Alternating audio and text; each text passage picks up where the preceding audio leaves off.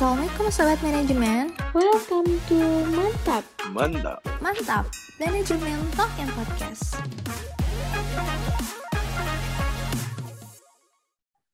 Halo Sobat Manajemen, apa kabar semuanya? Kenalin, aku Anya, dan sekarang aku bakal nemenin kalian buat ngobrol-ngobrol seru. Cuman, aku nggak sendiri nih. Aku bakal ditemenin sama... Sama aku dong. Selamat siang, selamat sore, dan selamat malam teman-teman seperjuanganku di perkuliahan, di manajemen dan sebagainya. Kenalin nih, aku Panji Permana. Di sini aku yang akan nemenin kalian dengerin podcast ini dari awal sampai akhir bersama Anya yang kebetulan ini podcast ke-14 ya Anya ya Iya, dari Mantap banget. sendiri. Nah, di podcast kali ini kita bakal sharing-sharing santai aja sih sebetulnya, ngobrol-ngobrol santai gitu. Sebelum mulai, Ji, ini kita eh, baru pertama kali ya muncul di Mantap ini.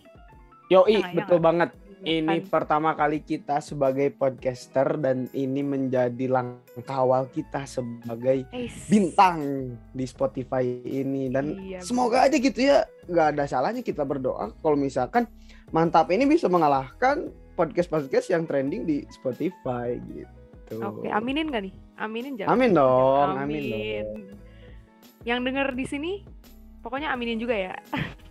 Oke, betul sekali ya karena itu menjadi doa kita. Jadi kita nanti setelah kuliah itu nggak nggak bingung mau jadi apa, udah jadi podcaster gitu. Nah, mungkin kita lanjut aja gitu ya. Sevanya di sini Yuk, kita lanjut. mau sharing-sharing santai, ngobrol-ngobrol santai terkait apa ya kalau bisa dibilang itu gimana ya kita tuh sebagai mahasiswa sering bingung gitu ya. Itu menjadi masalah aku sih. Kayak misalkan bingung nanti kita langkah setelah lulus kuliah itu akan menjadi seperti apa akan menjadi apa. Nah apakah kebingungan yang aku rasakan ini relate gak sih dengan kamu Anya? Nah, bener banget Ji. Aku baru aja mau ngomong kalau akhir-akhir ini aku tuh kepikiran kalau kita tuh eh, nanti kalau lulus bakal dituntut nggak ya harus udah punya kerja, terus habis itu harus eh, apa aja yang dipersiapin gitu. Karena jujur sampai sekarang tuh masih banyak dari kita bahkan aku eh, masih ngerasa belum apa ya, belum terkualifikasi untuk bisa mendapatkan kerjaan bagus gitu Ji. Nah, betul sekali ya. Apalagi di era-era seperti ini, di zaman-zaman kita ini lagi apa ya? Lagi hype-hype-nya entrepreneurship, trending-trendingan dan sebagainya gitu. Jadi menambah kebingungan kita juga gitu. Mungkin kalau di era sebelumnya fokus dari orang yang lulus kuliah atau fresh graduate itu ya langsung aja fokus mencari kerja gitu. Iya. Tapi kan sekarang enggak gitu ya. Di era-era sekarang, di era kita, di era teman-teman yang pendengar ini, kebanyakan bingung gitu. Apakah kita akan menjadi eh, pekerja atau entrepreneurship atau banyak yang lainnya? Nah itu kebingungan. Mungkin Bener dari, banget. nah dari podcast kita ini kita pengen bukan mengarahkan juga sih ya, lebih ke sharing gimana sih cara membuat langkahnya, apa aja yang perlu dipersiapkan sampai akhirnya kita lulus itu menjadi sesuatu yang eh, menjadi orang yang berguna gitu. Mungkin Iya, seperti benar. itu hanya. Eh, apalagi kan sekarang eh, teknologi udah berkembang, terus budaya juga udah makin bercampur dengan budaya lain, terus kita juga jadi beda kan ya dari zaman dulu, sehingga eh, pekerjaan-pekerjaan itu juga memerlukan kualifikasi-kualifikasi yang berbeda daripada sebelumnya gitu. Dan mungkin aja masih banyak yang bingung gitu, gimana caranya beradaptasi, gimana caranya mendapatkan informasi-informasi yang benar gitu kan ya Ji? Nah, iya betul sekali gitu. Jadi kalau bisa diambil sebenarnya kita memang ada ada apa ya? Ada topik yang diangkat gitu ya dalam podcast ini, tapi dalam pembicaraan yang benar-benar nyantai, benar-benar nggak nggak nggak formal gitu. Tapi dari hasil pembicaraan kita, dari hasil sharing kita, dan dari hasil podcast yang eh, teman-teman da- dengerin dari awal sampai akhir itu bakal mendapatkan suatu ilmu dan wawasan yang nantinya bisa dipakai di kemudian hari oleh teman-teman pendengar di sini. Iya, bener banget. Nah, dengan diskusi kayak gini juga eh, perlu ya untuk kita lakukan karena eh, dengan diskusi santai kayak gini tuh kita bakal dapet informasi-informasi gitu. Nah, tapi dalam mendapatkan informasi tentunya kita juga harus pintar dalam eh, menyeleksi informasi yang masuk gitu. Kan zaman sekarang udah banyak banget ya informasi yang palsu atau hoax ya, kita sering dengar itu istilahnya. Maka dari itu, kita sekarang mendatangkan tamu yang spesial nih, Ji. Nah, penasaran gak sih, Ji? Aku penasaran banget sih, dan sekaligus excited banget nih. Ah, betul banget. Aku juga sih penasaran banget gitu sih. Siapa beliau ini? Nah, mungkin sekarang kita langsung panggil aja gitu ya. Selamat datang, Pak Eka. Apa Ya, kabar? Baik, Anya. Assalamualaikum, Pak Eka. Waalaikumsalam, Panji. Nah. gimana sehat? Sehat, sehat semuanya. Alhamdulillah, sehat, sehat, Pak. Terima kasih banyak Pak sebelumnya udah menyempatkan waktunya untuk hadir di dalam podcast mantap ini yang ke-14 gitu Pak. Ke-14 ya? Ke-14 Iya, Pak. 14. Wah, bener ini. Saya seneng loh kalau mahasiswa-mahasiswa kreatif seperti ini, saya seneng loh. Wah. Iya dong. Saya jadi berbangga diri gini Pak gitu. Jadi Oh, harus, harus dong gitu. Ibaratnya Nah. kalau kalau kalau bukan kalian yang banggain diri sendiri, terus siapa lagi? Iya nggak? Iya betul banget. Sedikit info Pak, Oke. kita di podcast ke-14 ini eh, podcast pertama yang kita bisa mengundang eh, bisa dibilang bintang tamu itu di podcast yang ke-14 ini gitu. Dan bintang tamu pertamanya itu yaitu Pak Pak Eka. Eka. saya jadi bintang tamu. Kayaknya Waduh. spesial banget nih Pak. Oke, oke, oke, oke, oke. Iya. Jadi nih Pak, tadi itu aku sama Panji udah ngomongin ya Pak. Jadi kita tuh sebenarnya bingung. Kita berdua tuh bingung. Eh, kita tuh lagi ngomongin kalau lulus tuh kira-kira mau jadi apa ya Pak? Kayak gitu. Terus, Nah, betul. mm-mm. Boleh aku masuk siapanya? silakan silakan. Nah, jadi tadi udah ada sedikit gitu Pak, eh, apa ya pembicaraan lah khas dari kita berdua kalau misalkan ada kebingungan gitu di antara eh, kita gitu. Bahkan mungkin kalau yang aku tangkap kemungkinan ini banyak juga dari mahasiswa-mahasiswa lainnya yang bingung apa sih langkah yang harus diambil setelah dia lulus kuliah nantinya, setelah dia menjadi fresh graduate itu, dia itu akan menjadi seperti apa, akan menjadi orang yang bagaimana gitu. Nah, itu kan menjadi kebingungan kami berdua gitu bahkan mungkin keseluruhan eh, Hmm. mahasiswa. Nah dari hal tersebut kami berdua berpikir bahwa wah mungkin ada Pak Eka di sini yang orang yang tepat yang bisa diajak sharing terkait eh, permasalahan-permasalahan itu gitu. Oke oke. Eh apa yang mau saya sharing ya? Saya sebenarnya bukan bukan orang eh, ahli di bidang akademis sebenarnya ya. Tapi eh, barangkali yang bisa saya sharing apa yang saya rasakan, barangkali pengalaman saya yang akan saya sharing di sini ya. Eh, Oke, tadi pertanyaannya adalah apa sih yang eh, harus dilakukan oleh mahasiswa ketika lulus jadi fresh graduate itu seperti apa sih gitu ya? Ya, bener Pak. Oke. Sekarang saya sebelum saya sharing deh, saya mau tanya dulu nih sama Anya. Nya, eh, ketika udah lulus mau jadi apa Nya? Aku kalau lulus itu rencana awalnya ya Pak, cita-cita awalnya itu pengen pu- pengen punya bisnis, pengen Oke. punya bisnis yang eh, bisnisnya itu aku pengen bikin sendiri.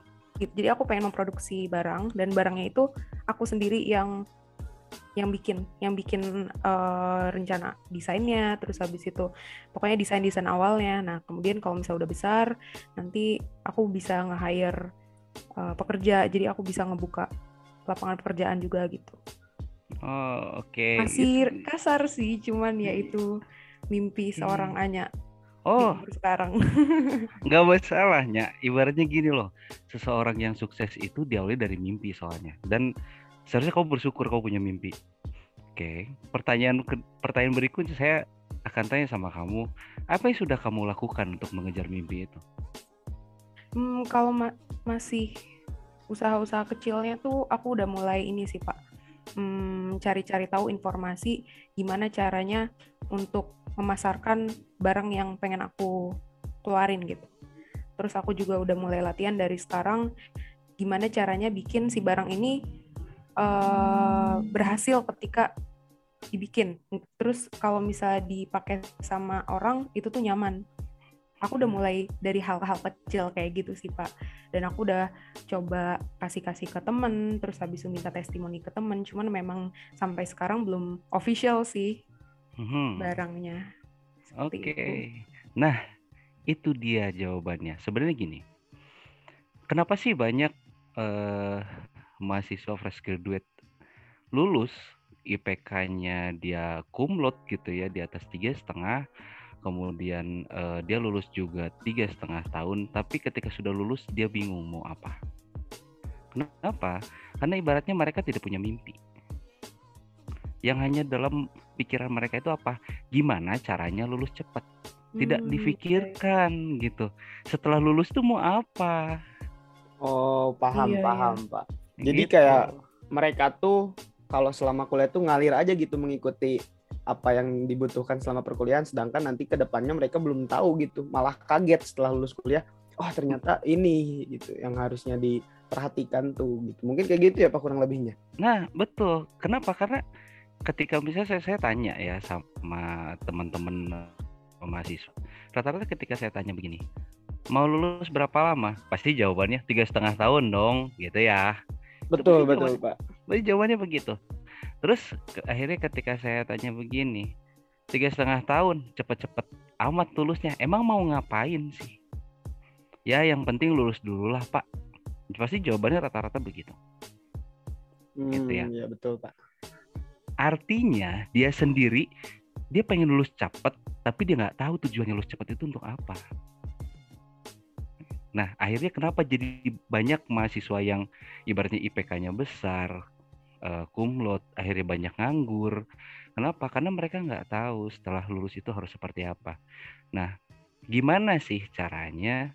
Seharusnya dari awal kalian harus sudah punya mimpi. Saya lulus, saya mau jadi apa? Mau usaha atau mau kerja? Kan itu ya biasanya. Kemudian setelah itu kalian bikin spesifik. Ibaratnya kalau mau kerja kerja di mana? Saya mau kerja di perusahaan besar. Iya, perusahaan apa? Contoh misalnya, saya mau kerja di Pertamina. Oke. Kalau kalian mau masuk ke Pertamina, maka kalian harus tahu kualifikasi karyawan Pertamina itu seperti apa dan siapkan dari sekarang. Biar apa? Ketika sudah ketika nanti kalian lulus, apa yang dibutuhkan oleh Pertamina kalian udah punya. Itu sebenarnya kuncinya. oke gitu. Pak Jadi kalau yang eh, Panji ambil gitu ya dari hasil tadi pembicaraan terkait ada suatu poin permasalahan apa yang sih yang harus dipersiapkan mahasiswa tingkat akhir sebelum lulus mungkin ke lebih ke rencana atau plan gitu ya. Apakah kasarnya dia ingin melanjutkan menjadi pekerja ataupun menjadi wirausaha. Namun kadang kita pun bingung ya Pak, udah Hmm. punya plan tapi kita nggak nggak nggak menguasai skill yang harus yang mendukung plan tersebut gitu. Misalkan kita tadi eh, Bapak bilang kita mau masuk ke Pertamina. Sedangkan Hmm. kan pasti di Pertamina tersebut ada beberapa kualifikasi skill atau soft skill yang harus Hmm. dipersiapkan. Nah, dari kami sendiri gitu ya, dari saya Panji gimana sih Pak cara mempersiapkan skill-skill tersebut gitu ya? Mungkin eh, ini bakal lanjut juga gitu ke permasalahan yang kedua gitu atau ke poin pembahasan yang kedua gitu. Oke, skill apa sih yang harus disiapin gitu ya? Oke. eh sebelum saya bahas masalah skill apa yang dibutuhkan, saya akan bagi dulu skillnya. Skill itu ada soft skill, ada hard skill. Ya. Kalau soft skill itu adalah kemampuan apa? Kemampuan eh di luar nalar kalian. Itu soft skill. Contohnya apa? Kemampuan komunikasi, negosiasi gitu ya. Itu soft skill. Ibaratnya soft skill itu yang eh, dia akan jadi karakternya kalian. Itu soft skill. Kemudian ada hard skill. Hard skill itu apa? Hard skill itu adalah skill-skill yang kalian pelajari di bangku kuliah. Gitu. Nah, yang paling gampang untuk dipelajari apa? Hard skill. Jelas. Hard skill. Kalian buka buku, baca buku atau ngelihat orang lain ngelakuin sesuatu terus kalian eh, ikutin gitu ya, kalian contek, selesai, selesai kalian bisa. Gitu. Yang paling sulit apa? Soft skill. Gitu. Eh, problem paling besar, problem paling besar mahasiswa itu rata-rata adalah mereka tidak punya kemampuan untuk berkomunikasi. Salah satunya itu. Padahal berdasarkan hasil penelitian ya berdasarkan hasil penelitian bahwa skill yang dibutuhkan rata-rata oleh perusahaan itu 60 persennya adalah communication skill kemampuan komunikasi. Ketika kalian menguasai kemampuan komunikasi maka 60% kalian bisa diterima. Gitu. Nah sekarang pertanyaannya kan gini Pak gimana nih cara saya ngembangin skill komunikasi gitu Oke, kalau bicara tentang komunikasi nih ya, komunikasi itu di mana-mana satu arah apa dua arah? Dua arah. Dua arah, Pak. Dua arah dong ya, Iya. ibaratnya dua arah gitu. Dan ketika terjadi komunikasi, terjadi dua arah, artinya apa?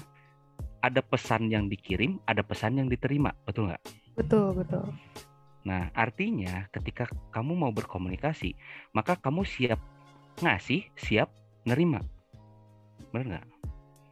Oh Itu iya, yang- benar benar benar. Benar. Nah, yang terjadi adalah saya saya saya bukan ya barangkali ini beberapa sampel yang saya temukan ya. Mudah-mudahan sih nggak semua.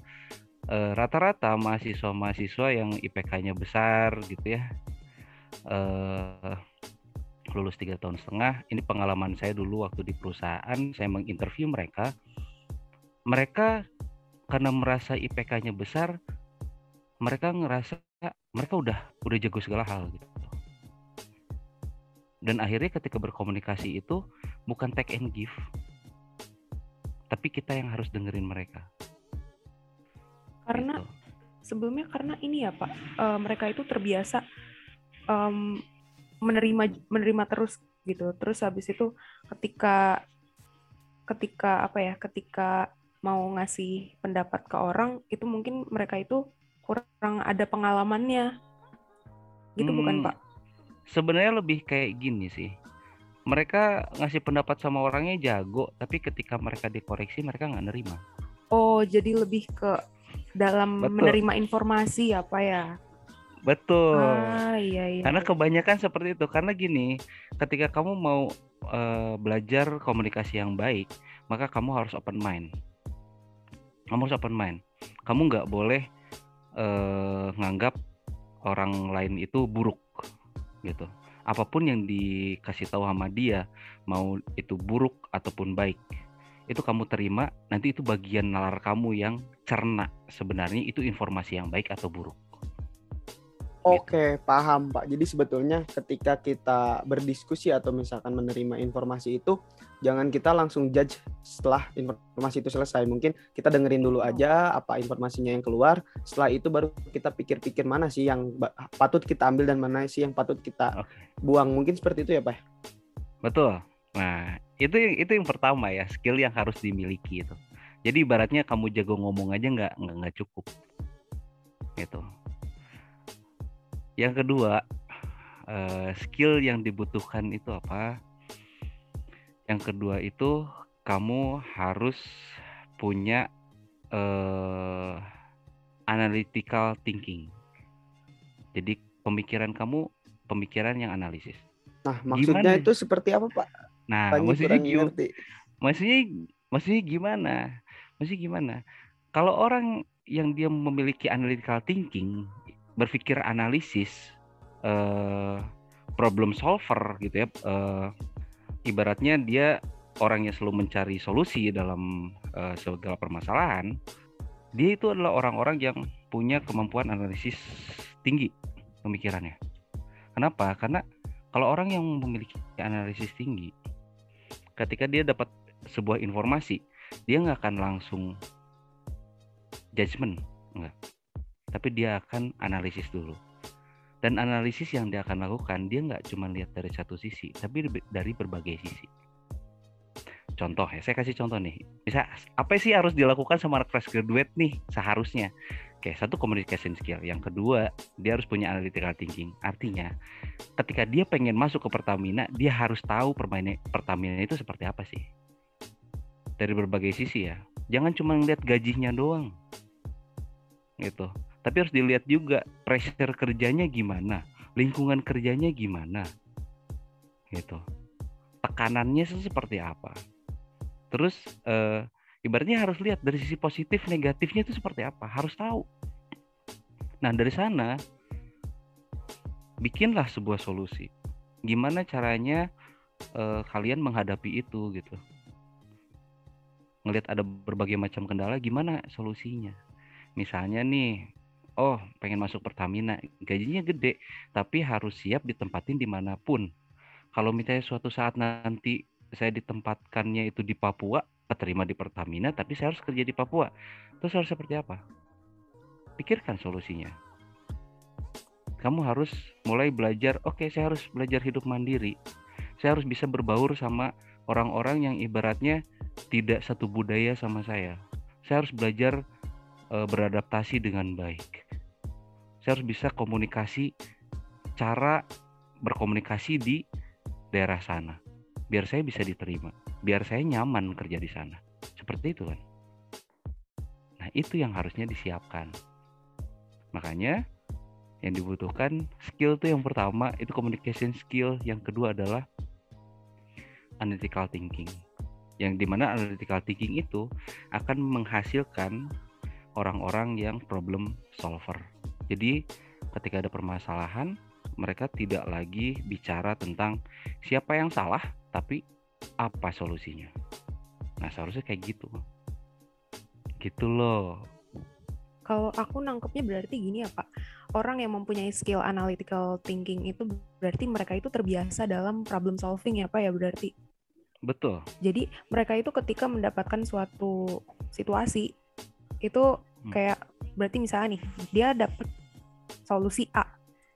Nah, tapi dia itu juga milih ada solusi B, solusi C. Dan ketika udah ada di A, B, C itu mereka juga dicabang-cabangin nih. Ketika aku milih jalan A, kira-kira apa nih yang bakal terjadi? Nah, kalau misalnya ini terjadi, kira-kira apa nih yang bakal aku lakuin? Kayak gitu ya Pak berarti cara Betul. berpikirnya itu. Betul. Hmm. Nah itu. Jadi saya sih mau tambahin sedikit ya sebenarnya. Eh, saya kasih contoh deh. Kenapa banyak mahasiswa yang gagal padahal IPK-nya bagus? Paling simpel Iya, ya. kenapa gini. tuh Pak? Kenapa sih? Contoh paling simpel. Ketika misalnya dosennya ngasih tugas ya, eh, kasih tugas, oke ini tugasnya seabrek, terus dia bilang kayak gini, dikumpulkan nanti sore ya. Apa yang akan dilakukan sama mahasiswa? Mungkin ya mau nggak mau harus dikerjain gitu Pak, karena itu kan berkaitan dengan nilai gitu. Betul, seharusnya kan seperti itu, tapi biasanya langsung nyeletuk, nego. Pak kok tugasnya banyak banget ya? Pak kok deadline-nya cuma satu hari, seminggu dong? Betul nggak? Betul, Betul banget, Pak. sering terjadi Pak. Sering Hmm. banget terjadi itu. Ya kan? Nah, Iya. ibaratnya apa?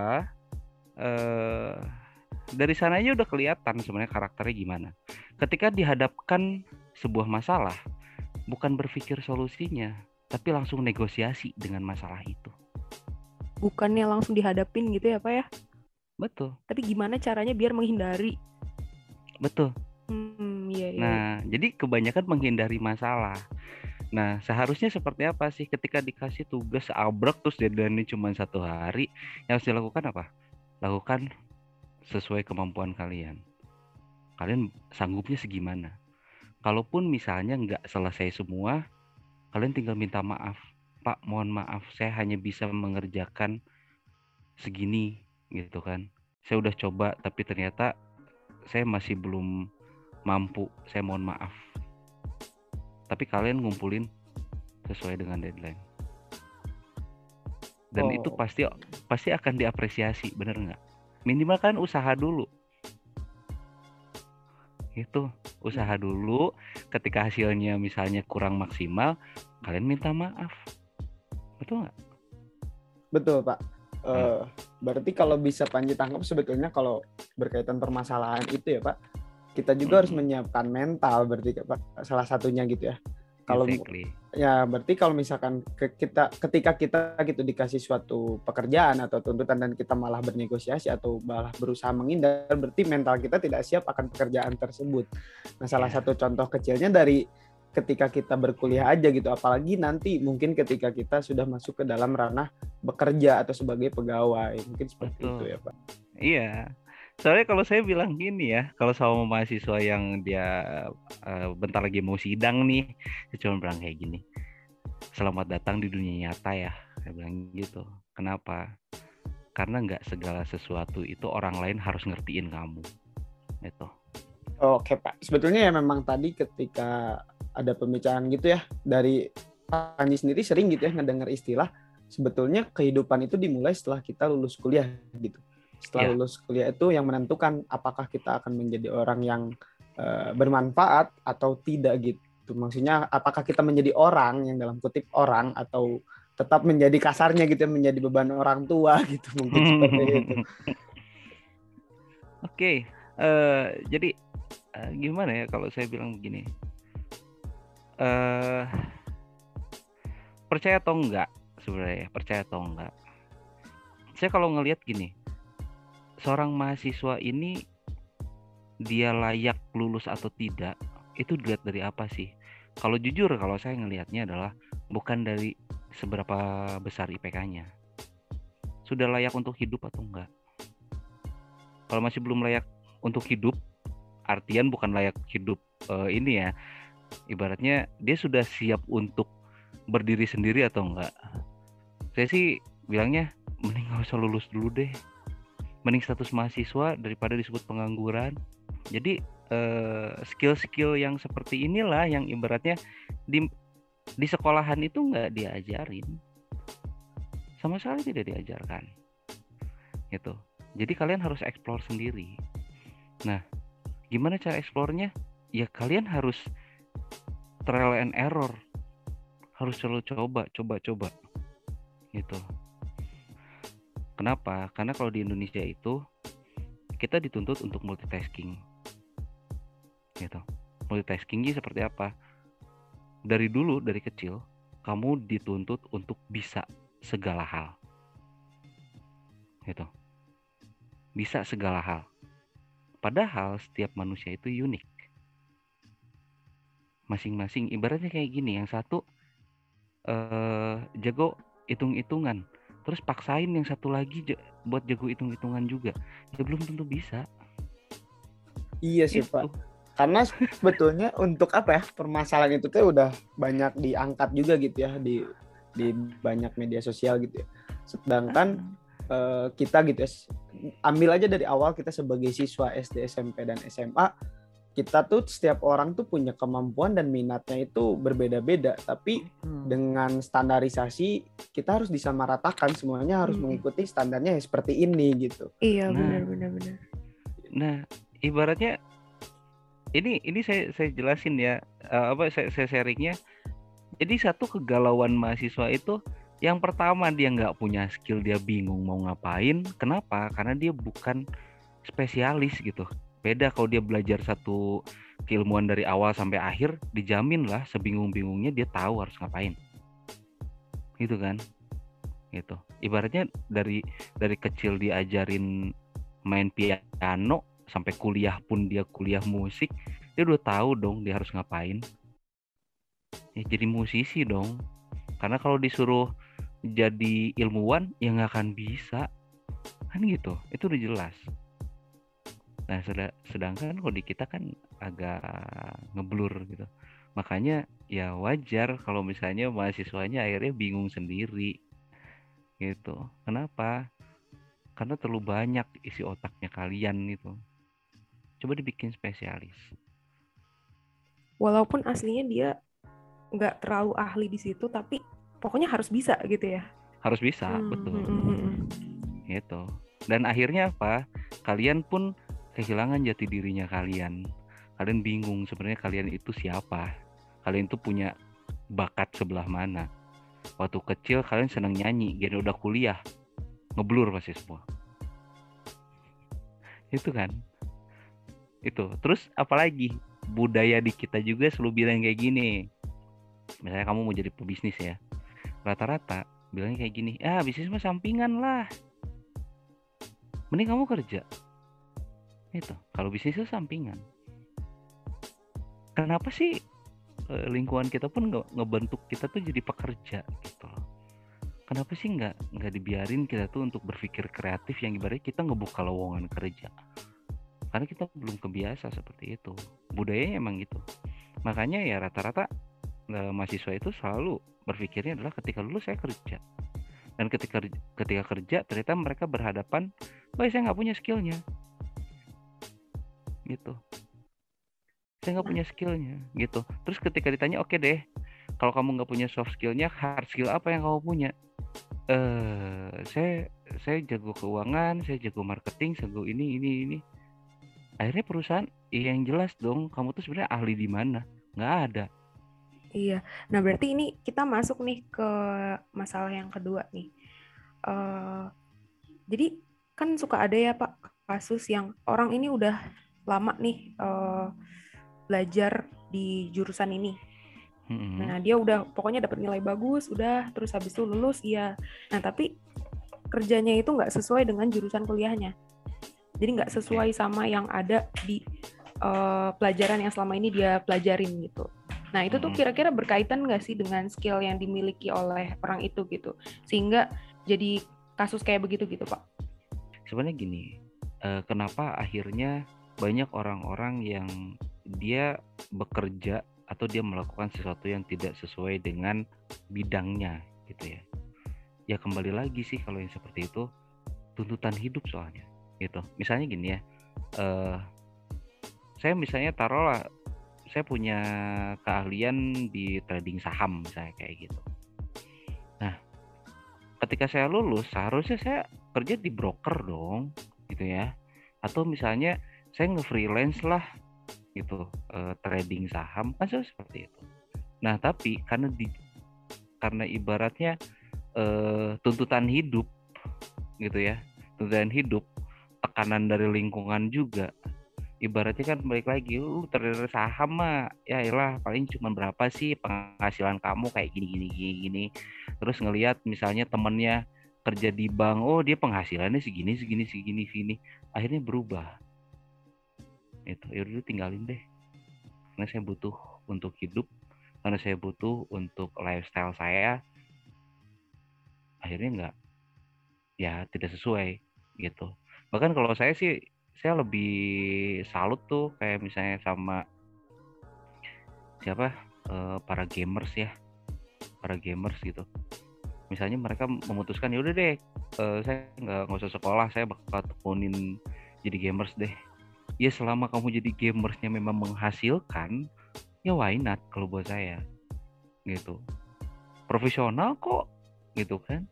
Eh dapat duitnya dapat gitu lifestyle-nya dapat dapat gitu. Kalau dibilang ah lu mah lulusan lulusan SMA gitu. Habis SMA kamu mah bukannya kuliah tapi dia jadi gamers. Ya selama kamu jadi gamers profesional why not? Gitu. Daripada kuliahnya nggak lulus lulus gamers pun nggak jadi. Iya bener Pak. Tambah lagi orang-orang Nah. yang kayak gitu ya Pak, berarti dia itu melakukan hobinya mereka jadi pekerjaan gitu. Dan menurut aku itu sangat apa ya sangat menyenangkan gitu ketika melakukan hobi tapi dibayar gitu. Wah Nah. itu dream job banget nggak sih pak? Ah bener banget itu. Seriusan. Kalau banget kalau kalau saya sih ngelihatnya gini ya eh, saya ngelihat eh, saya suka suka suka baca nih biografi orang-orang sukses ya. Saya lihat siapa sih Mark Zuckerberg gitu. Siapa sih eh, Bill Gates? Siapa sih Steve Jobs gitu ya? Yang terkenal sukses itu mereka backgroundnya seperti apa? Yang saya lihat ini tapi bukan bukan berarti kalian harus ngikutin mereka ya. Mark Zuckerberg dia DO dari kuliahnya kan gitu. Demi apa? Ngejar mimpinya bikin Facebook. Bill Gates sekolahnya berantakan. Gara-gara apa? Dia ngejar mimpi untuk software OS ya Windows. Gitu Microsoft itu Steve Jobs dia sama teman-temannya kuliahnya terbengkalai gara-gara apa ya itu ngejar juga ngejar mimpinya jadi eh, akhirnya saya, saya ngeliat begini Oh kalau kayak gitu ini bukan masalah urusan nilai akademis dong. Tapi kamu siap nggak eh, memilih jalan hidup kamu seperti apa dan kamu siap nggak menerima resikonya? Gitu. Dan kamu harus yakin dengan mimpinya kamu. Karena yang membedakan antara orang sukses sama tukang tidur, ya mereka sama-sama mimpi gitu. Tapi kalau orang sukses itu ketika dia mimpi, dia bangun, dia lakuin mimpinya, dia kejar. Kalau tukang tidur, bangun, tidur lagi. Siapa tahu kan mimpinya berlanjut. Gitu. Oke Pak. Jadi kalau dari hasil pembicaraan gitu, yang tadi gitu Pak sedikit Hmm. eh, ke belakang terkait yang masalah apa ya hobi bisa dijadikan pekerjaan. Tapi kan banyak juga kasus gitu ya ketika eh, kita mengikuti passion tapi ternyata realitanya nggak ada gitu. Terus-terus ngikutin idealisme kita. Berarti hasil kesimpulannya dari Panji nangkapnya kita nggak bisa terus-terusan kalau cek Sundanya mah merenya pak ngagugu idealisme padahal realitanya nggak bisa diturutan gitu. Mencek Sunda nama gitunya pak. Bisa Ah, aja iya. Panji. Jadi kalau di zaman sekarang di era-era kita ini punya idealisme boleh gitu. Kita pengen sesuatu boleh, tapi ya kita harus melihat realitanya juga. Kalau kita passion kita misalkan di bidang apa ya, di bidang komputer atau teknologi informasi ternyata ada kerjaannya di bank, ya kenapa enggak? Daripada kita nggak dapat sama sekali, mungkin kayak gitu ya, Pak. Iya, itu yang menyebabkan ibaratnya eh, banyak orang yang keahliannya di mana, tapi dia kerja di mana. Karena tuntutan sebenarnya. Tapi eh, balik lagi, tadi yang Anya bilang, wih enak banget Pak kalau kerja se- sesuai dengan passionnya dia di sana. Gitu ya, dia melakukan sesuatu yang sesuai dengan passionnya dan dia sukses di sana. Ya, itu sangat begitu menyenangkan. Gitu. Nah, ya Pak, kalau yang Panji mungkin di era seperti ini ya gitu Pak, yang nangkep Mm. kalau orang bisa bekerja sesuai dengan passionnya, bisa menghasilkan uang bahkan berlebih sesuai dengan passionnya dia, dengan hobinya dia, mungkin kalau di era seperti ini bisa disebut itu orang yang laki atau beruntung gitu. Karena di era Oke. seperti ini gitu, kita nggak ngikutin passion aja, kadang cari kerja kan susah gitu Pak. Nah, itulah yang harus dirubah, Ji. Hmm, Itu yang harus Pak. dirubah. Ibaratnya gini, eh, ketika mindset kamu bilang nyari kerja itu susah, saya bisa jamin kamu bakal susah nyari kerja. Oke, berarti mindset ya Pak. Kuncinya itu di mindset berarti. Betul. Eh, ibaratnya kayak gini loh. Eh, ibarat gini ya, hidup kalian itu pilihan. Kalian mau jadi apa itu pilihannya kalian, bukan pilihan orang lain. Kalian yang menentukan, gitu. Hari kalian hari ini jadi apa itu adalah gara-gara pilihan kalian di masa lalu. Dan pilihan-pilihan kalian hari ini itu akan menentukan kalian di masa depan. Oh, Jadi enggak. iya Pak. Siap Gitu. kalau kayak gitu mana. Tadi Pak berbicara terkait sedikit kita berbicara akademis atau akademik gitu ya. Mm. Nah, Eh sebetulnya Pak ap- apakah sih gitu ya si prestasi akademik selama kita berkuliah gitu eh, dapat menjamin gak sih kita sebagai mahasiswa dapat mendapatkan pekerjaan setelah nanti lulus? Hmm, mau jawaban jujur atau jawaban diplomatis? Terserah Pengennya sih Bapak. jujur ya. Kalau aku pengennya jujur karena kita mengambil informasi sebaik-baiknya gitu. Nah, iya sih betul. Betul, betul juga sih. Tapi sebenarnya kayaknya kita harus menyiapkan mental dulu ya, Ji. Iya benar. mendengar benar. jawaban Mendengar jawaban Bapak kayak ini gitu. Ayo Ji, tuh dua tiga kita harus mempersiapkan. Pasti dong. Eh, yang penting kalian tarik nafas dulu ya. Gitu. Oke, nih saya dulu eh, lama di perusahaan ya, dibandingkan saya jadi dosen sebenarnya. Nah, pengalaman saya dulu gitu kalau di perusahaan, IPK itu penting nggak? Enggak. Itu cuma hitam di atas putih. Tapi Pak, kalau kerja kan butuh IPK, iya, syarat administrasi aja biar kalian lolos administrasi sudah sisanya itu skill kalian nentuin karakternya kalian yang nentuin mindsetnya kalian yang nentuin itu jadi saya berani berani bilang kayak gini Eh, nggak apa-apa saya mau sombong sedikit lah Oh iya nggak apa-apa pak, sombongin aja. Kita justru senang dengernya. Saya, saya saya mau sombong Nanti dengan lah. kesombongan Bapak menjadi motivasi untuk kita Yes. berdua. iya, dan barangkali buat para pendengar podcast ini ya nggak sih? Nah, ya jadi nanti bisa kita berdua bisa bisa yang sombong gitu. Oke. Jadi gini ya. eh saya kuliah. Saya kuliah itu IPK saya dua setengah. Kalau kalian tahu ya. 2,5. Itu. Saya kuliah 7 tahun. eh tapi mata kuliah saya selesaiin cuman 4 tahun. Skripsinya sisanya 3 tahun. Gitu. Nah, saya dulu sering dihina sama teman-teman saya dibilang kayak gini lu IPK dua setengah katanya gitu kan. Eh lu mau jadi apa? Masa depan lu suram segala macam lu gak akan bisa diterima ke mana-mana karena minimal kerja itu adalah IPK tiga setengah kayak gitu kan. Oke saya sempat kena mental jujur. Saya kena mental. Ibaratnya balik lagi mindset saya dulu kan ah gimana caranya cepat lulus? kan gitu ya. Cepat lulus ya kalau nggak bisa tiga tahun setengah empat tahun deh. Nggak usah banyak ngulang C aja udah cukup. IPK dua setengah udah cukup dah gitu. Nah tiba-tiba ketika skripsi saya udah selesai terus saya mau sidang lihat IPK dua setengah saya langsung mikir lagi jangan-jangan bener apa yang diomongin sama teman-teman. Ketika saya lulus saya saya nganggur dong. Saya nggak mau lah gitu kan akhirnya apa? Harusnya saya sidang saya nggak nggak daftar sidang. Saya sama sekali nggak daftar sidang. Skripsi saya udah selesai padahal. Nah apa yang saya lakukan waktu itu?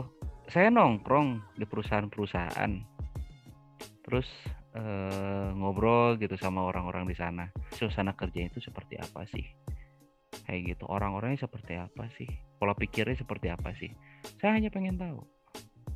Gitu dan dari sana akhirnya saya dapat oh ternyata kalau saya mau eh, bisa masuk nih di perusahaan ini berarti saya harus seper, minimal seperti mereka dong gitu.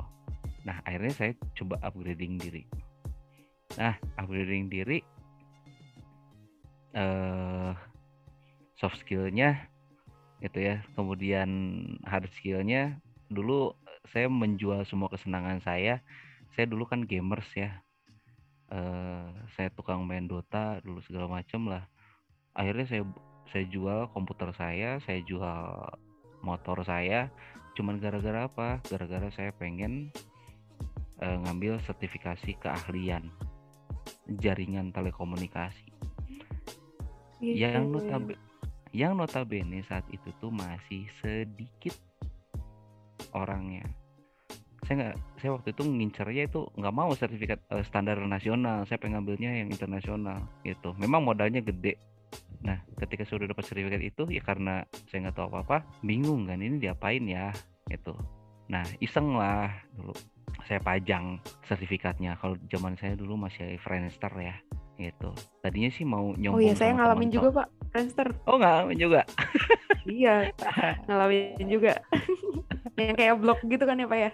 ah bener Mungkin Nah, itu. hanya ini Pak orang-orang di era sekarang tapi sempat apa ya bisa dibilang sempat mengalami gitu era-era Bapak juga. Waduh.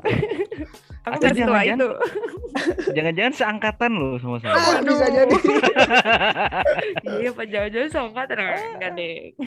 Nah, waktu itu saya saya iseng gitu. Dep, apa DP-nya, DP-nya Fraser saya saya ganti sertifikat itu. Tadinya kan mau mau sombong sama teman-teman, "Weh, gue punya sertifikat internasional nih." gitu kan. Eh, nggak taunya diteleponin dong sama perusahaan-perusahaan.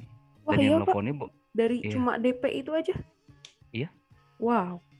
dan yang teleponnya bukan bukan cuman perusahaan lokal tapi perusahaan asing juga nelfon Hmm. gitu dan semua pada walking eh, interview dan akhirnya eh, saya ngeberaniin diri ya. Walaupun ibaratnya bahasa Inggris saya pas-pasan saya ngeberaniin diri ngambil eh, salah satu perusahaan asing. Karena waktu itu saya masih belum uh, pede gitu ya. Akhirnya saya perusahaan asing itu akhirnya saya kerja di perusahaan asing itu uh, beberapa tahun akhirnya saya dibajak.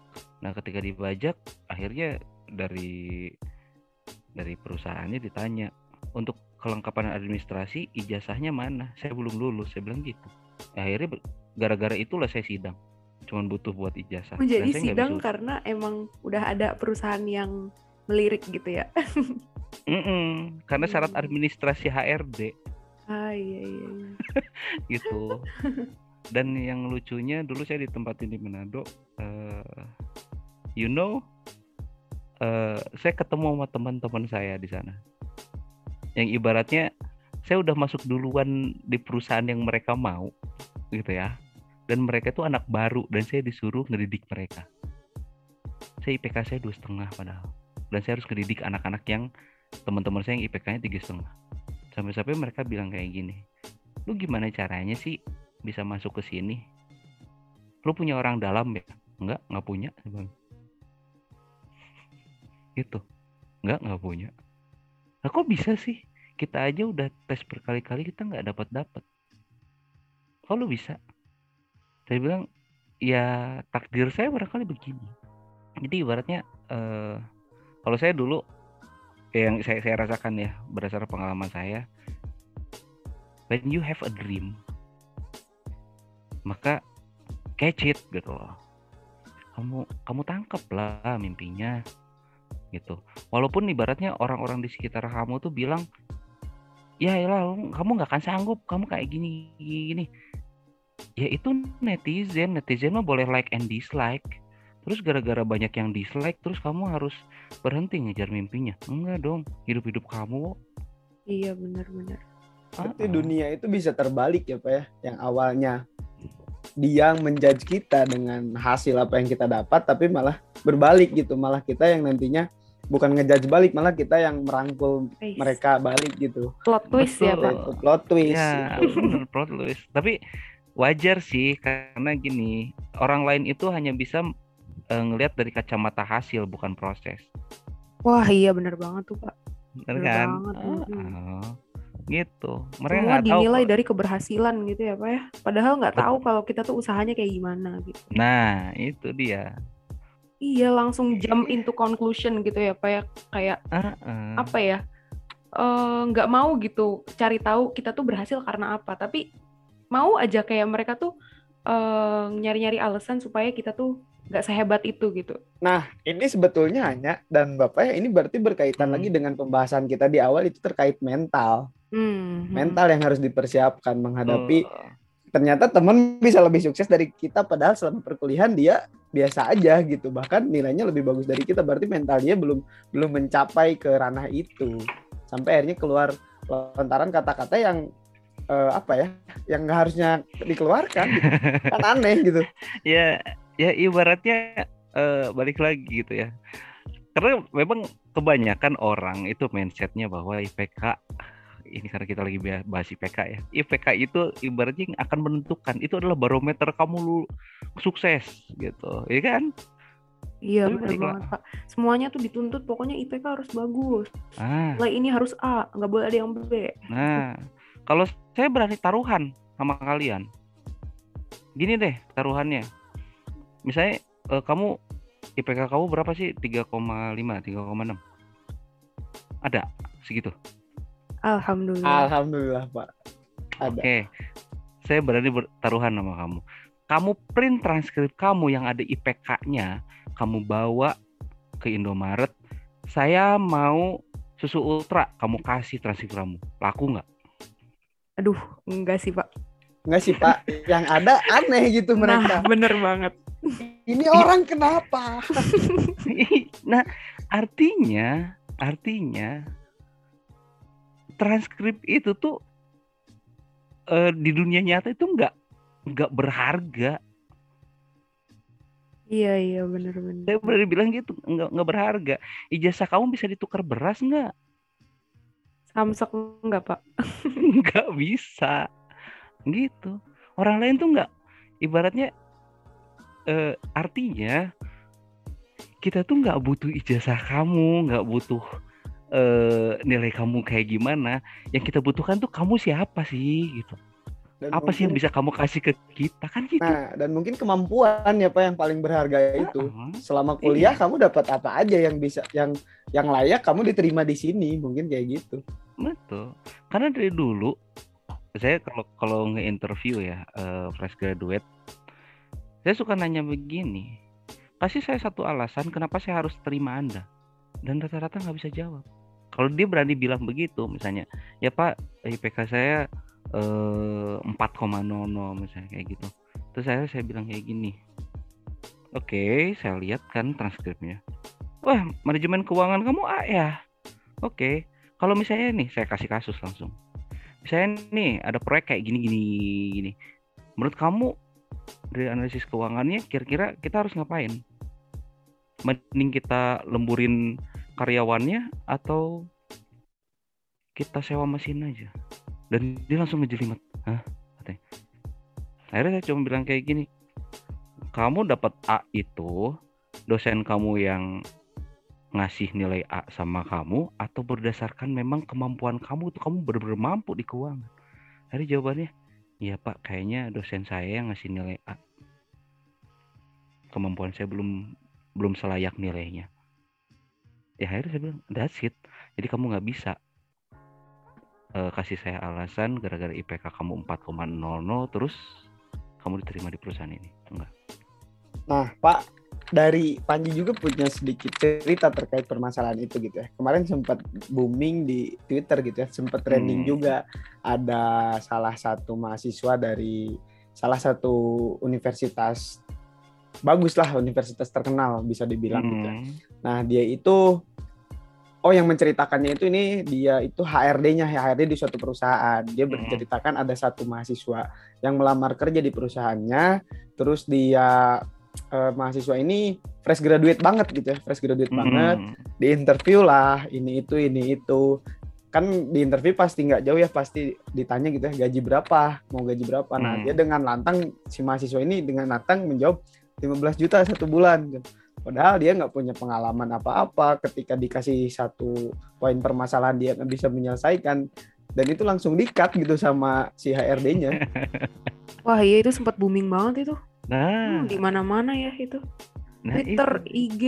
Wah, jadi balik ini ya. Oh boleh nggak sih kalau misalnya saya ditanya eh, gaji di perusahaan, boleh nggak saya bilang 15 juta? Boleh. Sebenarnya boleh dia jawab 15 juta boleh. Itu sah-sah aja kok gitu. Tapi, nah tapinya. Kalau emang kamu layak dibayar segitu sama perusahaan. Gitu. Artinya gini, eh kamu misalnya eh biasa jadi brand ambassador misalnya gitu ya terus tiba-tiba dikontrak sama perusahaan kamu minta bayaran berapa 15 juta wajar nggak wajar gitu. Karena ketika kamu masuk ke perusahaan itu perusahaan itu akan naik pamornya. Bener kan?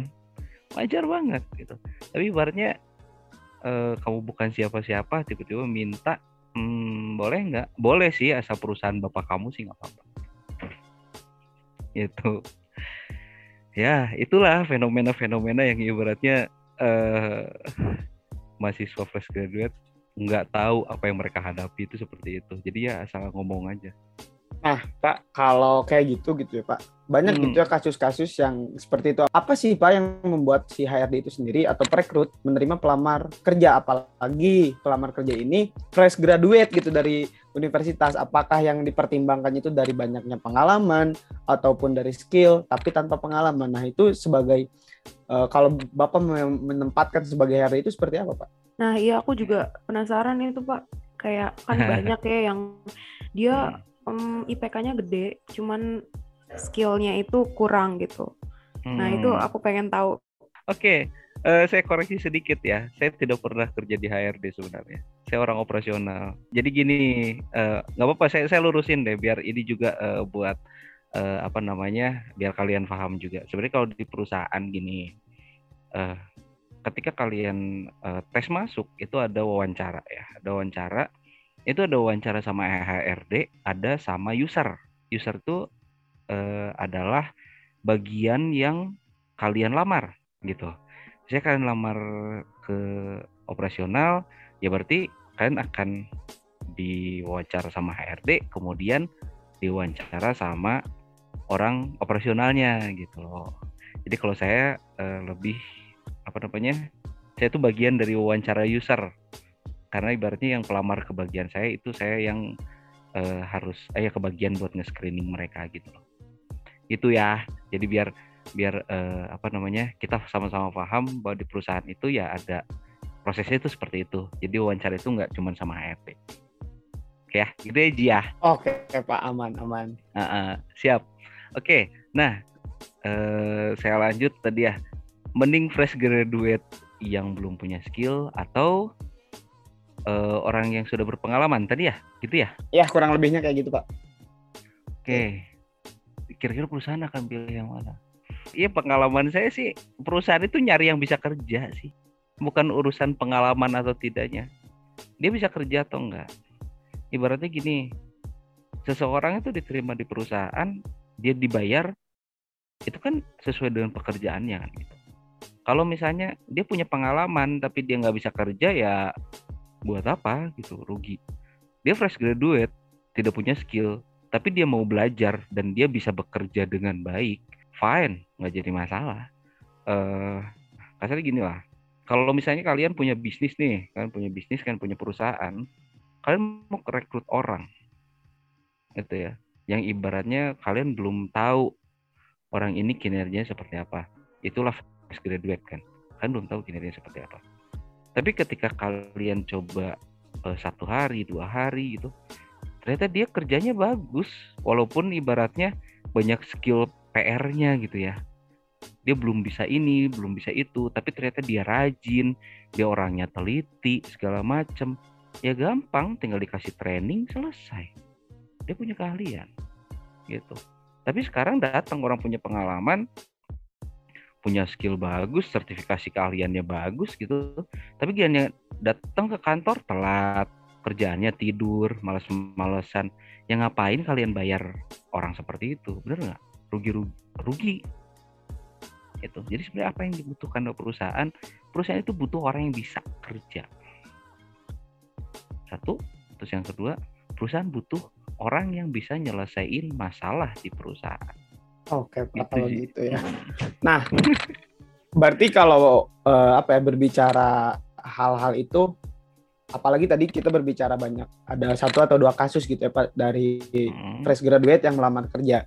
Nah kebanyakan itu Pak dari pelamar kerja yang fresh graduate itu kesalahan yang paling banyak gitu yang dilakukan fresh graduate itu saat melamar kerja itu apa aja sih Pak? Oke, fresh graduate itu kesalahannya di mana nggak tahu apa yang dia lamar. Itu kesalahan yang paling banyak. Gitu. Ngelamar ke perusahaan tapi dia nggak tahu perusahaan apa itu. Cabangnya di mana, dia aja nggak tahu. Dan yang lebih lucu lagi adalah dia melamar ke bagian yang dia sendiri pun nggak tahu itu bagian apa. Nah, itu itu kesalahan yang pertama. Itu yang paling banyak. Nah, kenapa sih kok bisa kayak gitu? Karena rata-rata uh, megang prinsipnya kayak gini. Lempar pancing banyak-banyak, siapa tahu dapat ikannya kan gitu. Ya betul, paling sering kayak gitu. Jadi masuk masukin aja dulu lamaran ke berapa nah. perusahaan. Nah. Yang penting ada nyantol satu, padahal dia belum siap gitu. Seharusnya ya, ketika kamu ngelamar ke perusahaan, ya taruhlah sama kayak kamu ngelamar cewek, kamu harus kenal ceweknya dulu dong. Gitu kan? Iya betul. Kamu bener harus kenal dulu. Kalau nggak kenal ya, ya gimana gitu? gimana bener. Nah alhasil apa karena dia nggak tahu si perusahaan ini perusahaan apa akhirnya dia diterima satu minggu resign karena dia nggak tahu di dalamnya itu seperti apa dia nggak kenal gitu jadi kasarnya kalau ada hubungan itu ya ya udahlah gampang kita jalanin aja dulu hello kalau hidup itu nggak bisa yuk kita jalanin dulu. Nggak bisa. Semuanya harus terukur soalnya kalau hidup mah. Itu. Itu yang pertama ya problemnya. Uh, bentar pak, pantas aku tuh sering ini ya da dapat informasi kalau misalnya uh, orang tuh, tuh suka nih nggak keterima di pekerjaan terus pa uh, pas ditanya itu kenapa? Kok nggak keterima? Karena pas ditanya sama pewawancara kita eh, cabang perusahaan kita ada berapa terus eh, perusahaan kita kira-kira bakal ke depannya bakal kayak gimana nah itu dia nggak bisa jawab nah itu berarti berkaitan juga ya dengan apa yang tadi bapak bilang gitu Iya, betul. Hmm. Gitu. Ya, ibaratnya eh mahasiswa itu kayaknya fresh graduate itu jawabannya eh, template kalau saya bilang template ya. Hmm, iya, Bisa- iya, iya. Misalnya gini deh, ketika ditanya eh, apa yang bisa kamu lakukan untuk perusahaan ini, ya karena dia nggak tahu perusahaannya seperti apa, gitu kan, bisnisnya di mana, apa yang kamu bisa lakukan? Saya akan melakukan hal yang terbaik untuk perusahaan. Saya akan memajukan perusahaan ini. wah itu mah semua orang juga bisa ya pak ngomong kayak gitu ya. Semuanya bisa. Iya. Tapi kan beda ceritanya kalau misalnya kayak gini. Apa yang bisa kamu lakukan untuk perusahaan kami? Oke, misalnya kalian pengen eh, masuk ke Telkom misalnya gitu ya. Eh, Oke, eh, saya tahu PT Telkom ini memiliki eh, anak-anak perusahaan. Contohnya misalnya salah satunya Telkomsel, gitu. Dan Telkom sendiri ini sekarang lini bisnisnya itu adalah eh, pengembangan, eh, sorry, apa namanya IndiHome misalnya gitu ya. Kita bilang produknya IndiHome nah kalau saya ngelihat IndiHome nih pak ya komplain di masih di masyarakat itu seperti ini ini. Nah saya punya saran sebenarnya IndiHome itu harusnya gini gini gini gini gini. Clear. Gitu. Tepuk tangan itu yang orang yang wawancara. Eh, Iya Pak, kalau yang Panji tangkap kebanyakan gitu ya dari banyak kesalahan dari fresh graduate itu kayak ah kita masukin dulu aja lamaran gimana nanti gitu. Jalanin Hmm. aja. Padahal kan harusnya prinsipnya itu atau mindsetnya dirubah. Jadi nanti gimana bukan gimana nanti gitu kan ya Pak kurang lebih Bet- mah. Betul. Dan saya mau lengkapin juga Ji. Gitu ya. Betul. Biarkanlah hidup itu mengalir. Let it flow. Gitu ya biarkan mengalir. Tapi yang jadi masalah sungai juga ngalir dari gunung sampai ke laut. Artinya yang namanya ngalir sungai itu ngalir. Dia tahu tujuannya ke laut kok walaupun dia belok-belok ke mana-mana. Dan dia nggak akan pernah keluar jalurnya. Kenapa? Sungai itu ngalir sesuai dengan alurnya. Makanya ada tepian sungai. Kalau yang kalau nggak ada tepiannya namanya bukan ngalir. Bahasa Sundanya nguyumbang. Gitu jadi kubangan Iya, ya kan? Bener-bener. Bener kubangan.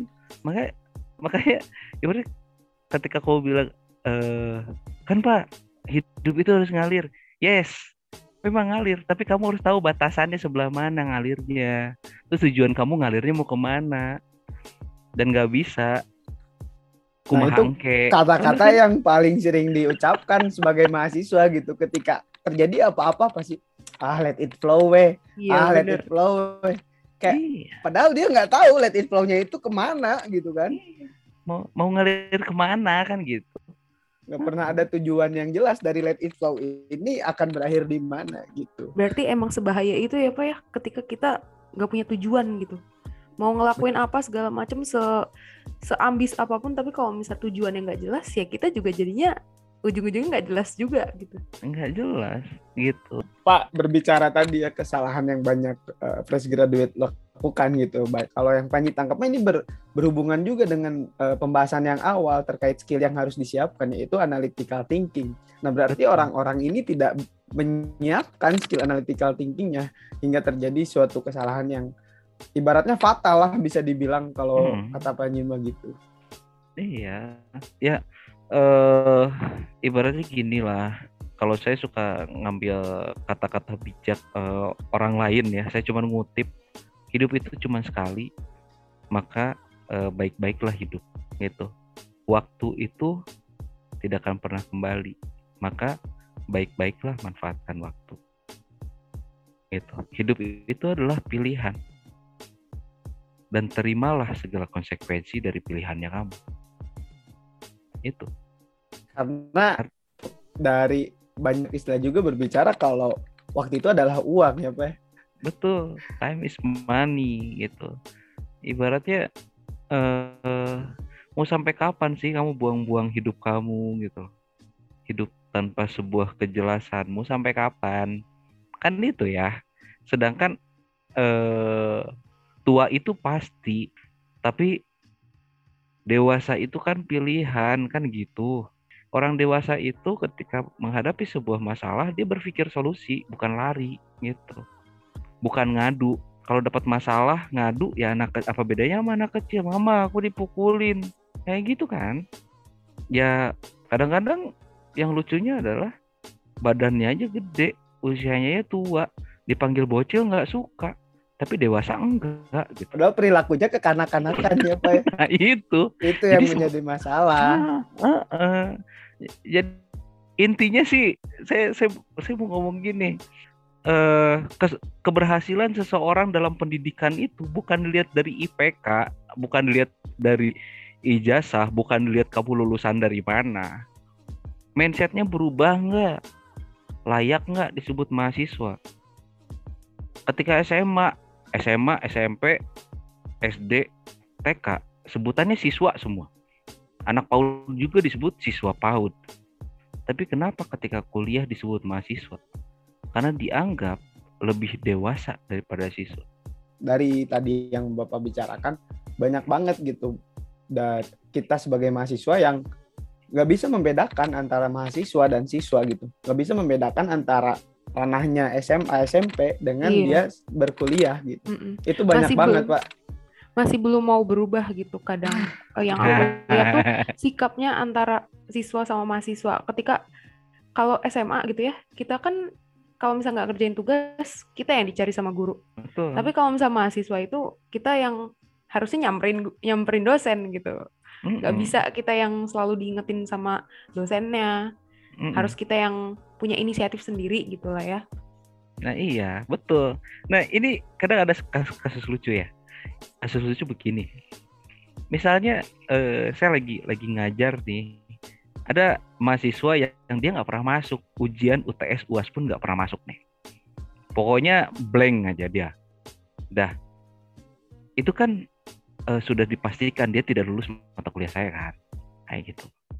Terus tiba-tiba dia datang ke saya terus bilang gini, Pak tolonglah Bapak barangkali berbaik hati ngasih saya kebijakan nilai. Menurut kalian mahasiswa kayak gitu seperti apa mentalnya? Bad banget gitu, Pak. Dia tadi balik lagi sebenarnya ke pembahasan yang awal. Dia tidak bisa siap akan apa yang dihadapi itu malah menghindar, malah Jujur mencari banget ya cara. Panji. Karena Tapi bener sih bener-bener. pengalaman. Ya, iya. Nah, nah, nah sekarang kan ketika misalnya saya nggak apa tidak meluluskan dia disebut saya dosen killer gitu ya, dosen killer. Tapi ketika saya meluluskan dia itu nggak ngedidik dia gitu. Jadi kalau pendidikan pendidikan itu sebenarnya ya eh, perbedaan antara pendidikan sama pengajaran. Kalau pengajaran saya cukup ngajarin masalah akademis aja, hard skill ke kalian doang. Tapi kalau udah ber- berbicara pendidikan, saya harus ngebangun karakter kalian juga. Itu sebenarnya beratnya jadi seorang pendidik itu. Artinya ya eh, banyaklah kasus-kasus yang yang seperti itu gitu. Jadi mahasiswa tuh bilang, Pak mohon kebijakannya Pak. Pak soalnya saya kalau tiga, ti- tidak lulus tiga tahun setengah, eh, nanti keluarga saya begini begini begini begini. Terus dia akhirnya playing victim lah segala macam. Jawaban saya cuma simpel kayak gini. Pilihan kamu di semester ini di mata kuliah saya apa? Pilihan kamu. Nggak pernah masuk kan? Itu pilihan kamu. UTS UAS nggak ikut kan? Itu kan pilihan kamu. Tugas nggak ngerjain itu pilihan kamu. Dan seharusnya kamu siap menerima konsekuensi dari segala pilihan kamu. Jangan merengek. Ketika hasilnya tidak sesuai dengan apa yang kamu inginkan, evaluasi harusnya. Kan harusnya seperti itu. Tapi yang terjadi, saya suka ibaratnya eh, semangat pantang mundurnya gitu mahasiswa tuh. Akhirnya apa? Eh, playing victim lah, segala macem lah, gitu. Yang akhirnya memaksa saya harus ngasih ujian khusus. Hmm, iya iya. Ya, Sering terjadi ya amazing. Pak ya? Sangat sering terjadi. Kelihatannya Bapak tadi kayak curhat gitu ya. Oh ya Bukan betul. tapi malah curhat. Memang betul. Ya kalau saya sih mudah-mudahan kalian bukan mahasiswa yang seperti itu ya. Iya. Curhat tipis-tipis lah ya Pak ya, biar nggak terlalu kita gitu. Ah, eh, itulah. Iya nih Pak. Ya, Eh, aku Mm-mm. ya aku mau nanya nih Pak eh, satu pertanyaan lagi sebelum closing. Em, jadi kan ini kita kan lagi di situasi di mana kita tuh agak terhambat ya dalam menuntut ilmu. mm-mm. Kayak kita tuh harus online, terus banyak oppor- opportunity yang kita lewatkan ketimbang yang ada ketika kita offline gitu ya Pak. Mm-mm. Nah, aku mau tahu dong Pak, kira-kira ma- eh, mahasiswa itu kebiasaan buruknya apa aja sih yang yang biasanya suka dilakuin ketika off- online gitu dan menurut Bapak apa aja yang perlu kita tingkatin lagi gitu dalam menghadapi eh, pembelajaran secara online ini. Hmm, Oke. Kebiasaan buruk mahasiswa ya. Kebiasaan buruk mahasiswa adalah eh dia seolah-olah datang di Zoom padahal dia enggak. Gitu loh. Jadi itu itu sih yang yang kebiasaan paling buruk. Jadi Padahal kalau dia kalian tidur gitu ya Pak ya. betul, padahal dia tidur lagi gitu. Apalagi mata kuliah setengah tujuh gitu kan. Heeh. masuk sih masuk ke Zoom-nya, habis kayak gitu entah ke mana orangnya gitu. Nah, eh saya sih ngeliat eh, mahasiswa seperti itu. Cuman ya balik lagi ya itu pilihannya mereka. Nah terus seharusnya sih kayak gimana? Ya balik lagi. Kalau kalau buat saya sih balik lagi sih. Itu kembali ke mahasiswanya masing-masing ya. Ibaratnya eh, ketika seseorang dosen misalnya gitu ataupun siapa pun dia mau sharing ilmunya. Jadi sebenarnya kalau di mata kuliah itu sebenarnya sharing ilmu itu. Eh, dia mau sharing ilmunya, ya balik lagi butuh atau enggak. Kalau nggak butuh, ya nggak usah didengerin. Kalau misalnya butuh, ya dengerin. Bahkan kalau bisa sih tarik semua ilmunya gitu. Tarik semua, harusnya sih seperti itu.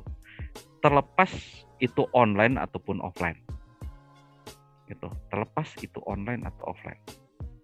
Karena ibaratnya kayak gini, eh yang namanya sharing kan ya nggak harus ada offline atau online gitu Eh, nggak nggak nggak dibatasi itu jadi ibaratnya kapan pun pun kapan pun bisa gitu cuman yang yang jadi masalah adalah eh kaliannya mau seperti apa pilihannya mau seperti apa gitu. Apakah kalian mau ambil ilmunya atau enggak?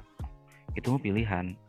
Itu makanya sih kalau saya ngeliat misalnya mahasiswa-mahasiswa yang eh, masuk ke Zoom kemudian misalnya Zoom ya eh, masuk ke Zoom terus habis kayak gitu menghilang gitu ya bahkan ketika mata kuliah udah selesai teman-temannya udah leave ini masih diem aja terus Berarti ditungguin sama Tawan dosen banget ya itu. Tinggalin aja itu nggak diperhatiin. nah kan seperti itu Bangun-bangun ya- kaget Pak itu teh. Ah, ah, sendiri. Ini anak-anak ke mana? Aku ditinggal teman-teman. Terus habis, pengalamannya Ji terus habis itu dia keluar-keluar di grup. pengalaman Iya, sih kayaknya Iya. Ya, oh apa aku itu tuh. Soalnya rada Iya. sedikit tersinggung gitu Pak. enggak ya ya kalau kalau saya sih balik lagi ya ibaratnya eh beda mungkin kalau saya guru SMA saya bakal marahin kalian loh itu kan tidur di kelas dimarahin tapi kalau di kuliahan kalian mau tidur kayak mau masuk mau enggak ya terserah itu karena lagi dididik pola pikirnya pola pikir seorang mahasiswa gitu. Jadi kalau misalnya dibilang ap- apakah itu kesalahan mahasiswa? Enggak sih enggak salah kalau buat saya itu enggak salah itu mah haknya mereka. Cuman ya siap-siap konsekuensi dari apa yang kamu lakukan itu aja sih. That's it gitu. Iya. Jadi ini tuh sebenarnya eh, masuk ya ke pembahasan kita sebelumnya. Kayak kalau misalnya kita membiasakan diri ketika kita lagi menuntut ilmu untuk teliti, terus habis itu rajin ya Pak, terus Mhm. habis itu juga menghargai dosen. Nah itu tuh sebenarnya itu tuh juga buat kita melatih ketika kita nanti di dunia kerja gitu. Ya masa nanti kita kalau misalnya lagi meeting, terus tahu-tahu kita ninggalin Zoom gitu. Nah kan itu kan, Mm. waduh itu kan bukan apa ya, bukan sikap yang benar gitu. Dan Mm-mm. ketika kalau misal kita ada tugas langsung dikerjain bukannya nunda-nunda lagi kata eh, kata Bapak waktu itu. Ya itu kan sebenarnya juga ngelatih kita untuk bisa cekatan gitu dalam mengerjakan tugas. Terus abis itu kerjaan-kerjaan gitu ya Pak ya. Mm, betul Anya, saya setuju. Boleh, boleh sih sebenarnya malas-malasan di kantor asal yang punya perusahaannya bapaknya gitu. Oh jadi Apa-apa. punya link ya. Punya orang Jadi dalam. eh, punya orang dalam, karyawannya lain nggak ada yang berani. Mungkin lebih ke privilege gitu ya Pak ya. Waduh. Ah, ah. Tapi sih eh eh, balik lagi ya. eh, jadi eh, saya ini saya saya mau nyambung lagi tuh masalah skill komunikasi. Jadi kalau skill komunikasi itu bukan urusan masalah verbal doang. Yang berbahaya itu sebenarnya bukan masalah di skill komunikasi verbal tapi di non verbalnya atau dari body language. Kenapa? Karena body language itu itu adalah bahasa yang nggak bisa bohong. Kamu bilang enggak kok, aku nggak kenapa-napa. Tapi mata kamu nggak bisa bohong. Bener Nah, kan? itu relate kamu. banget Pak. Apalagi Ah, cewek nih. Kamu Betul. kenapa nggak apa-apa? Padahal kan, waduh, Nah. Aduh curhat Panji, curhat.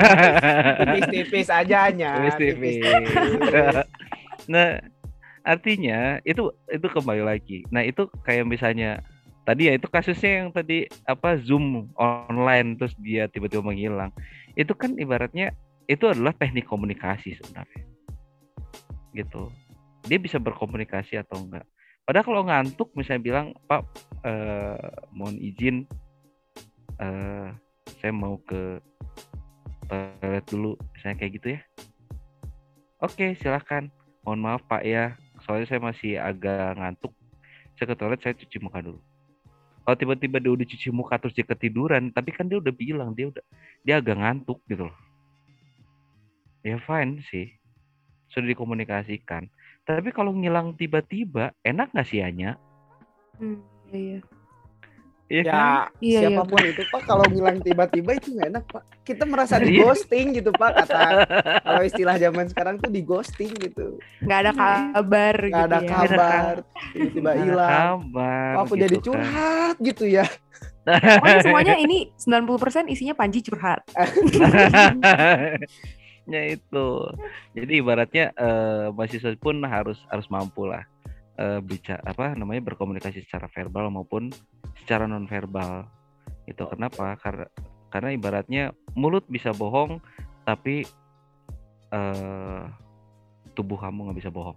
Oke Pak, mungkin eh, kita udah terlalu banyak nih Pak ya untuk banyak Saking juga. serunya ya. Saking serunya sih. Tadinya kita Nah. pengen kalau bisa sampai minggu depan terus terusan aja gitu ya. Podcast sama Bapak Eka, tapi kan kita melihat waktu juga ternyata Pak kita udah satu jam lebih berbicara Nggak kerasa ke sana loh. kemari nggak nggak kerasa. Tapi nggak kerasanya tuh kita dapat banyak ilmu ya, hanya ya banyak Banget. ilmu dan wawasan Bener, yang bener banget. kita ambil, banyak pembahasan yang udah dapat titik terang bahkan dari pertama mungkin kita tutup aja gitu ya hanya ya baik kak kita tutup aja karena udah terlalu larut juga oke oke Heeh. Terima Eh, kasih banyak ya Pak atas eh, kesempatannya, terus Eh. atas waktunya udah menyempatkan dan ilmu-ilmunya tentunya. Wah, dan ditambah juga curhatan-curhatan dan pengalaman bapak ini gitu eh justru, justru saya yang harus berterima kasih sama kalian. Ibaratnya kalian ngasih Waduh. saya wadah untuk buat numpahin semua sebenarnya.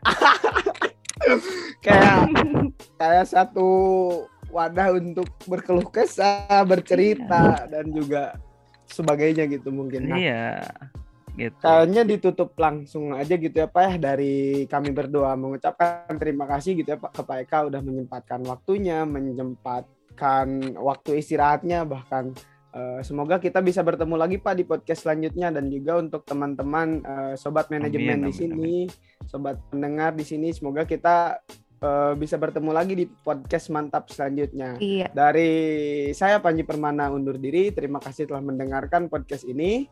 Dari aku Anya dan semoga apa yang udah dibahas di sini kemudian uh, yang udah dipaparkan oleh Pak Eka juga itu jadi bermanfaat ya buat kita semua Amin. dan tentunya bagi sobat Amin. manajemen yang udah dengerin sampai detik ini gitu. Nah, pasti makanya harus didengerin itu dari awal sampai akhir biar ilmunya juga nggak setengah-setengah. Mungkin kayak gitu dari kami semua di sini termasuk Pak Eka. Terima kasih dan saya dan Sofanya eh, mengucapkan pamit dan undur diri. Wassalamualaikum warahmatullahi wabarakatuh. Waalaikumsalam warahmatullahi wabarakatuh. Waalaikumsalam warahmatullahi wabarakatuh.